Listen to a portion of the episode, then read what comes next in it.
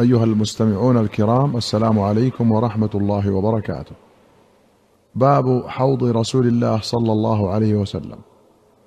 أخرج مسلم عن أبي هريرة رضي الله عنه أن رسول الله صلى الله عليه وسلم أتى المقبرة فقال السلام عليكم دار قوم مؤمنين وإنا إن شاء الله بكم لاحقون وددت أنا قد رأينا إخواننا قالوا أولسنا إخوانك يا رسول الله قال أنتم أصحابي وإخواننا الذين لم يأتوا بعد. قالوا كيف تعرف من لم يات بعد من أمتك يا رسول الله؟ قال أرأيت لو أن رجلا له خيل غر محجلة بين ظهري خيل دهم بهم. ألا يعرف خيله؟ قالوا بلى يا رسول الله.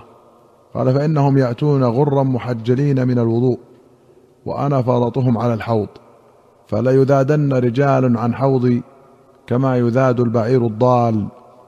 أناديهم ألا هلم؟ فيقال إنهم قد بدلوا بعدك. فأقول سحقا سحقا.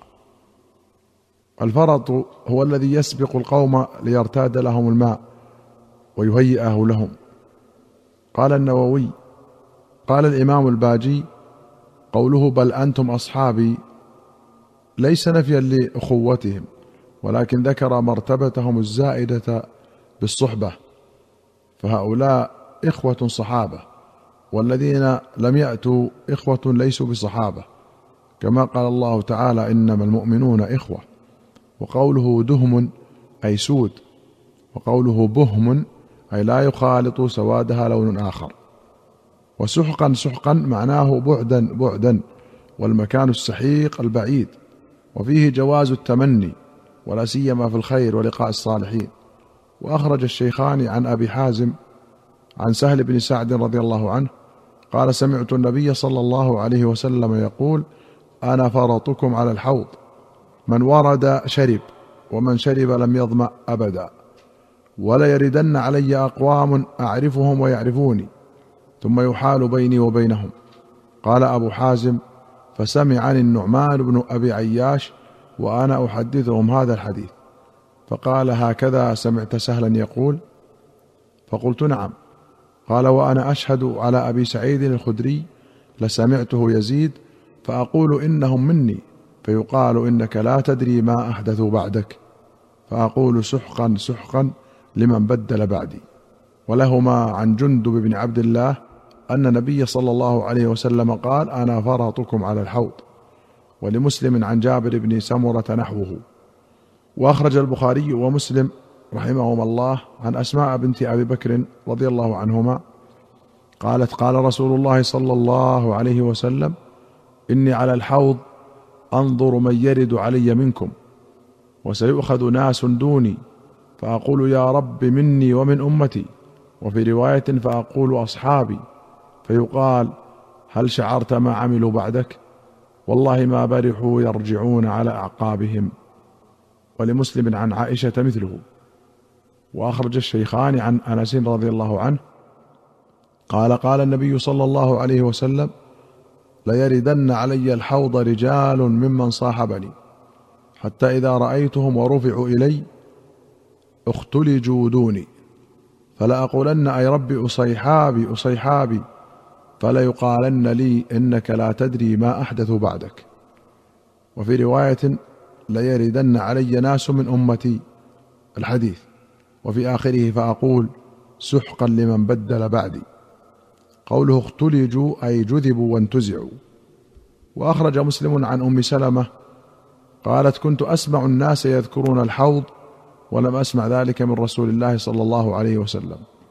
فلما كان يوما من ذلك والجارية تمشطني سمعت رسول الله صلى الله عليه وسلم يقول أيها الناس فقلت للجارية استأخري عني.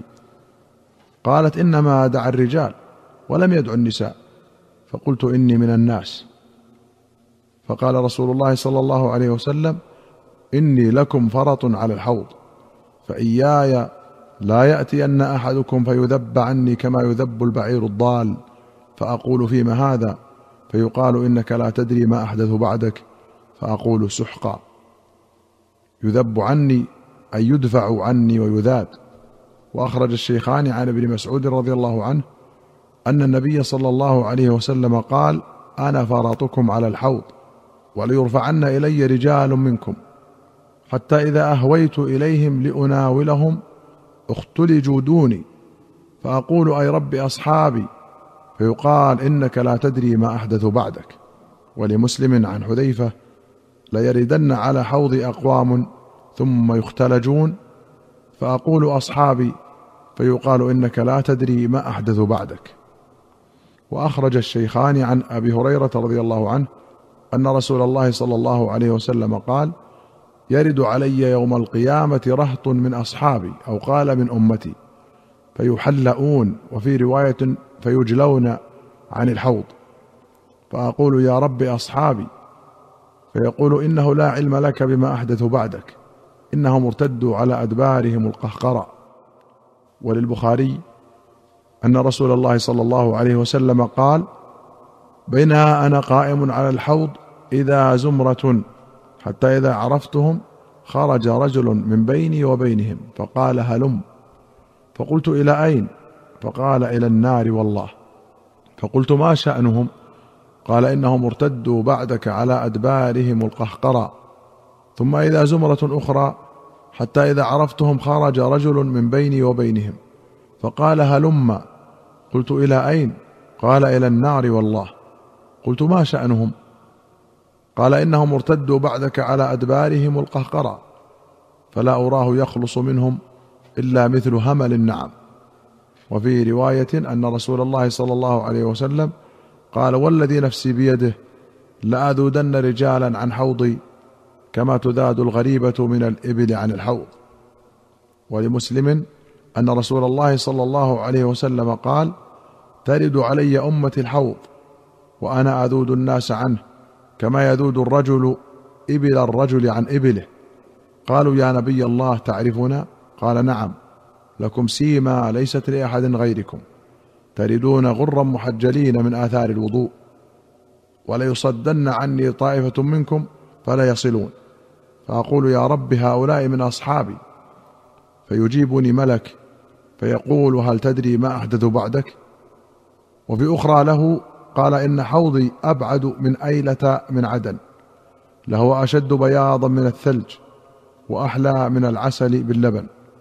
ولآنيته أكثر من عدد النجوم. وإني لاصد الناس عنه كما يصد الرجل إبل الناس عن حوضه. قالوا يا رسول الله أتعرفنا يومئذ؟ قال نعم لكم سيما ليست لأحد من الأمم. تردون علي غرا محجلين من أثر الوضوء. قوله يحلؤون أي يطردون. والقهقر الرجوع إلى الخلف. وهمل النعم ضوال الإبل واحدها هامل. أي أن الناجي منهم قليل. وأيله بفتح فسكون هي المدينة المعروفة على رأس خليج العقبة.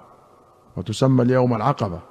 وجانب منها يسمى أيلات وقوله سيما أي علامة يمد ويقصر فيقال سيما وسيماء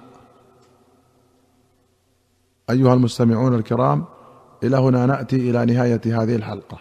حتى نلقاكم في الحلقة القادمة إن شاء الله. نستودعكم الله. والسلام عليكم ورحمة الله وبركاته.